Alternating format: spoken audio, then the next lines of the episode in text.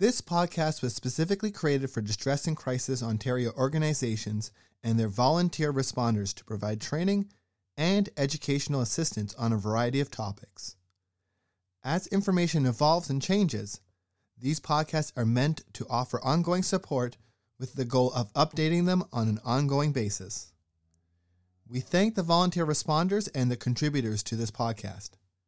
Please visit our website, dcontario.org, for more information and how to access free mental health services. Thank you.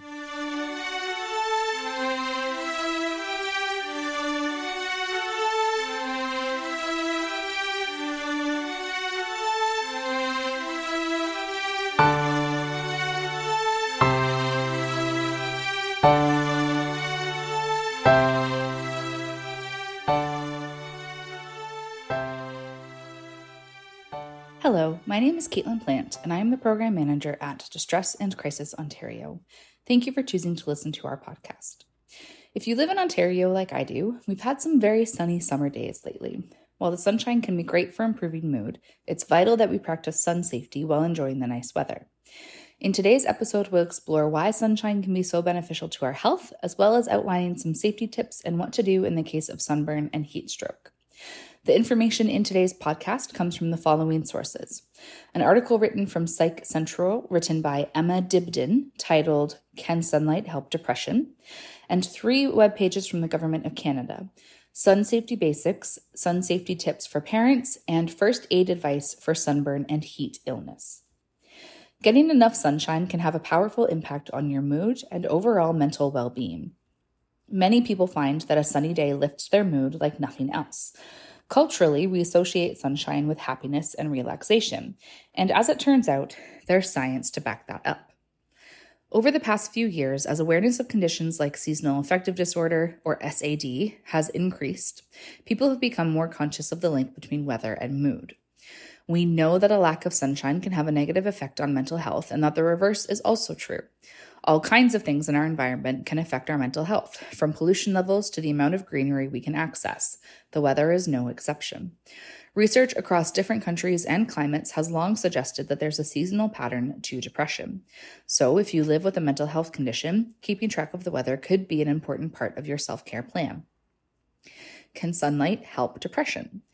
There's mixed evidence regarding the sun's effect on depression. Our bodies need direct sunlight exposure to create vitamin D, also known as the sunshine vitamin, which plays a major role in regulating mood. Vitamin D supplementation has been shown to improve mood, and many people with depression also have low vitamin D levels, which suggests that there may be a causal link. Therefore, getting enough sunshine may help the symptoms of depression by regulating vitamin D levels. A study from 2009 indicated that a lack of sunlight increased the risk of cognitive impairment among people with depression. But a 2021 study produced more mixed results. The researchers found that exposure to sunlight over the long term, that is, a 30 day period, did have a beneficial effect on people with major depressive disorder. More short term exposure to sunlight, though, actually had a negative impact on mood, possibly because it interfered with people's sleep wake cycles. What about the relationship between sunlight and serotonin? Serotonin is a neurotransmitter that plays a role in several key bodily functions, including sleep, digestion, and mood. One leading theory of depression is that it's caused by low levels of serotonin, which is why a class of medication called selective serotonin reuptake inhibitors, or SSRIs, are a leading treatment for the condition. But the serotonin theory is heavily debated and isn't backed up by much clear evidence. A lack of serotonin is believed to be the cause of SAD, which occurs during the winter. A lack of sunlight can affect the body's production of serotonin, leading to lower levels that can, in turn, have an effect on your mood. Sunlight also affects melatonin and your body's ability produce, to produce it, and melatonin helps to control the sleep wake cycle. Being exposed to bright light in the morning seems to be especially important when it comes to regulating melatonin levels. Sleep disturbances can be a major factor in depression. It's common to experience either insomnia, which is difficulty sleeping, or hypersomnia, which is excessive daytime sleepiness. Research indicates that abnormalities in melatonin production play a role in depression. Despite the mental health benefits of sunlight, it's important to be aware of what else might be happening on a sunny day. Sunshine often means high temperatures, which has some potential negative effects on mental health. People who live with anxiety disorders may need to exercise particular caution. High temperatures can increase levels of the stress hormone cortisol and may worsen the symptoms of anxiety or make you more susceptible to panic attacks. Recent research also shows that hot weather increases aggression and agitation. For people who live with a mental health condition that causes changes in mood or impulse control problems, this may be challenging. So let's recap. We assume that sunshine goes hand in hand with a good mood, and in general, that seems to be true. Sunlight has a beneficial effect on mental health thanks to its ability to help our body create vital substances like vitamin D, serotonin, and melatonin. If you live with depression and don't typically get much sunlight, it may be helpful to try and find ways to increase your sun exposure. If you live in a climate where that's challenging during the winter months, light therapy is a great option that has been proven to help treat seasonal depression. Spending times outdoors, particularly in nature, can also have a beneficial effect on depression, anxiety, and other mental health conditions. So even if the weather isn't sunny, you can reap a lot of benefits just from being out in the world. It's important to remember that sunshine and hot weather can also have some negative effects on your mood and health, depending on a person's unique situation, history, and medications. It is important to protect against UV rays all year round and not just in the summer. Reflections off snow, water, sand, and concrete can increase the effect of UV rays. You need to protect yourself on cloudy days, when you're swimming, and even while skiing. Children learn best by example. Model sun protective behavior yourself. In extreme heat, some medications may increase your health risk and or make your skin more sensitive to UV rays. If you are taking medication, ask your healthcare provider if it increases your risk and follow their recommendations. Tanning equipment will damage your skin and should be avoided. Sunless tanning products, like bronzers, are an alternative to tanning and come in different forms sprays, lotions, towelettes. But while these products may give your skin a golden color, they do not offer any UV protection. You still need to practice sun safety when using these products. Here are some sun safety tips. You can protect your family and still have fun under the sun. First, cover up. When the UV index is 3 or higher, protect your skin as much as possible. Wear light colored, long sleeved shirts, pants, and a wide brimmed hat made from breathable fabric. When you buy sunglasses, make sure they provide protection against both UVA and UVB rays. Limit your time in the sun. Keep out of the sun and heat between 11 a.m. and 3 p.m. The UV index in Canada can be 3 or higher during those times. When your shadow is shorter than you, the sun is very strong. Look for places with lots of shade, like a park with big trees, partial roofs, awnings, umbrellas, or gazebo tents. Always take an umbrella to the beach. Use the UV index forecast. Tune into the local radio and TV stations or check online for the UV index forecast in your area. When the UV index is three or higher, wear protective clothing, sunglasses, and sunscreen, even when it's cloudy. Use sunscreen. Put sunscreen on when the UV index is three or higher. Use sunscreen labeled broad spectrum and water resistant with an SPF of at least 30. Drink plenty of cool liquids, especially water, before you feel thirsty.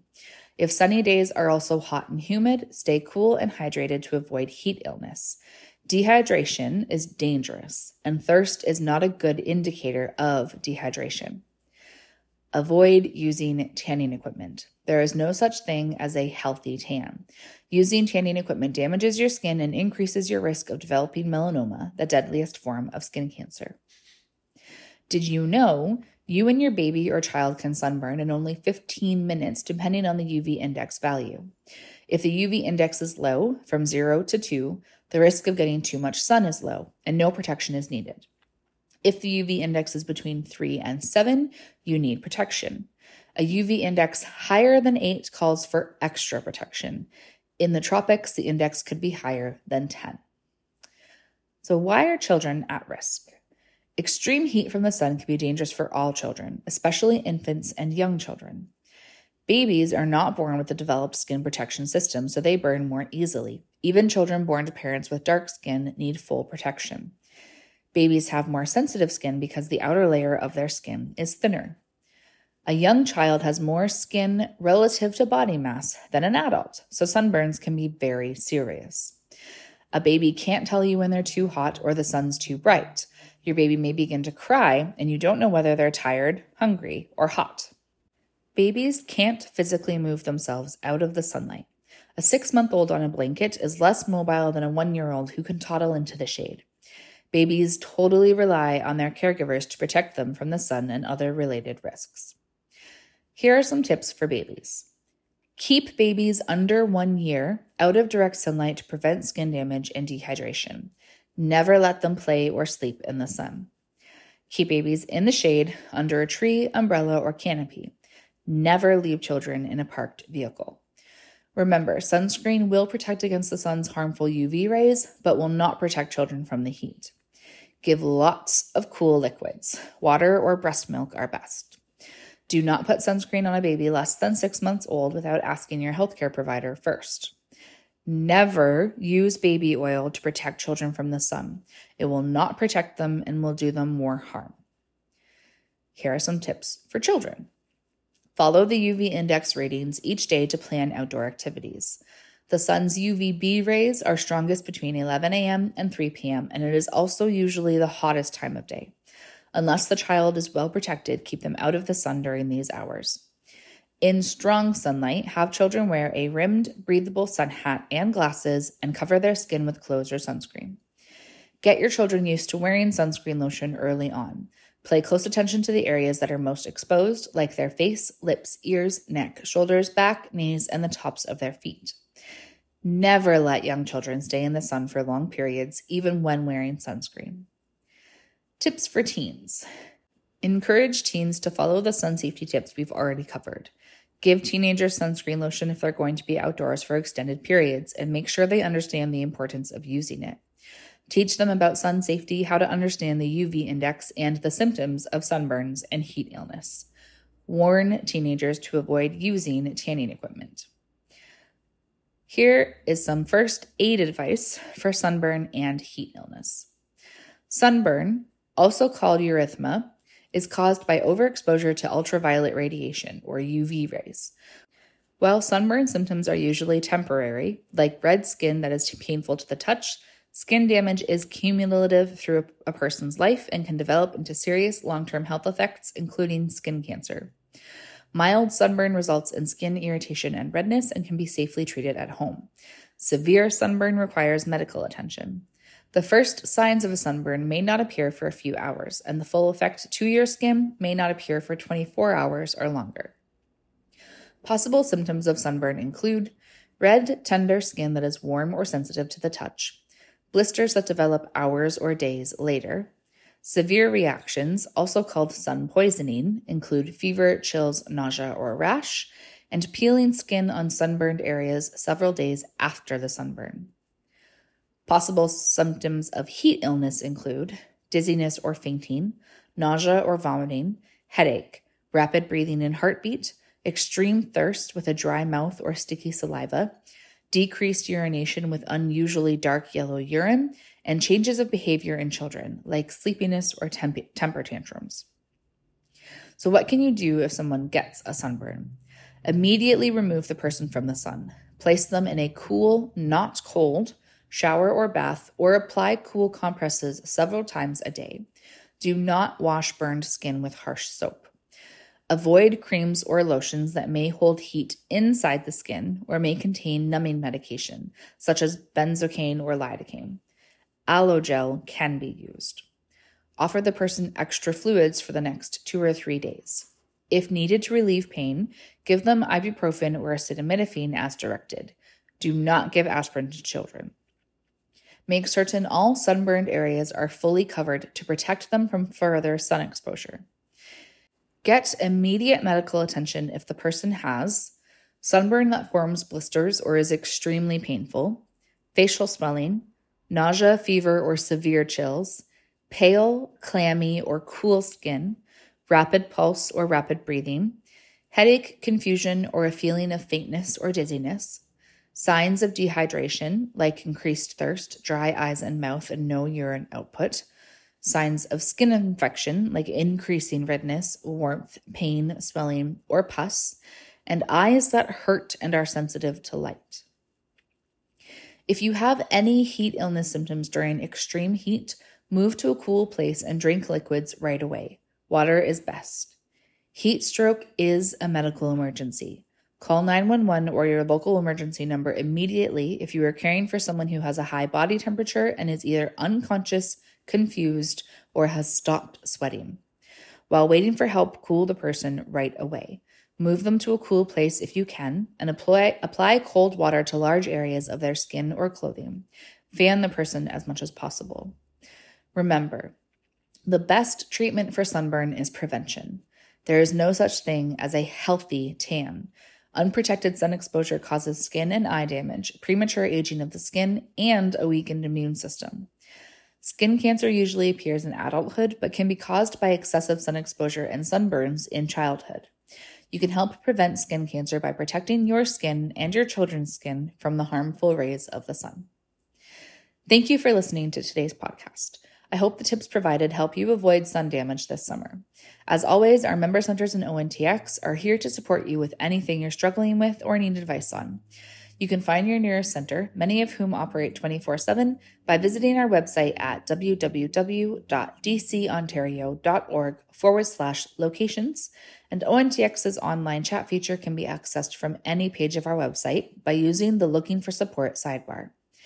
ONTX is available from 2 p.m. to 2 a.m. Eastern Standard Time daily and can also be accessed by texting the word support to 258 258. If you have any feedback on today's episode or would like to request future content, please use the link in the show notes to fill out our feedback form. We would love to hear from you. Thank you again for listening. I hope you have a great week and join us again next time.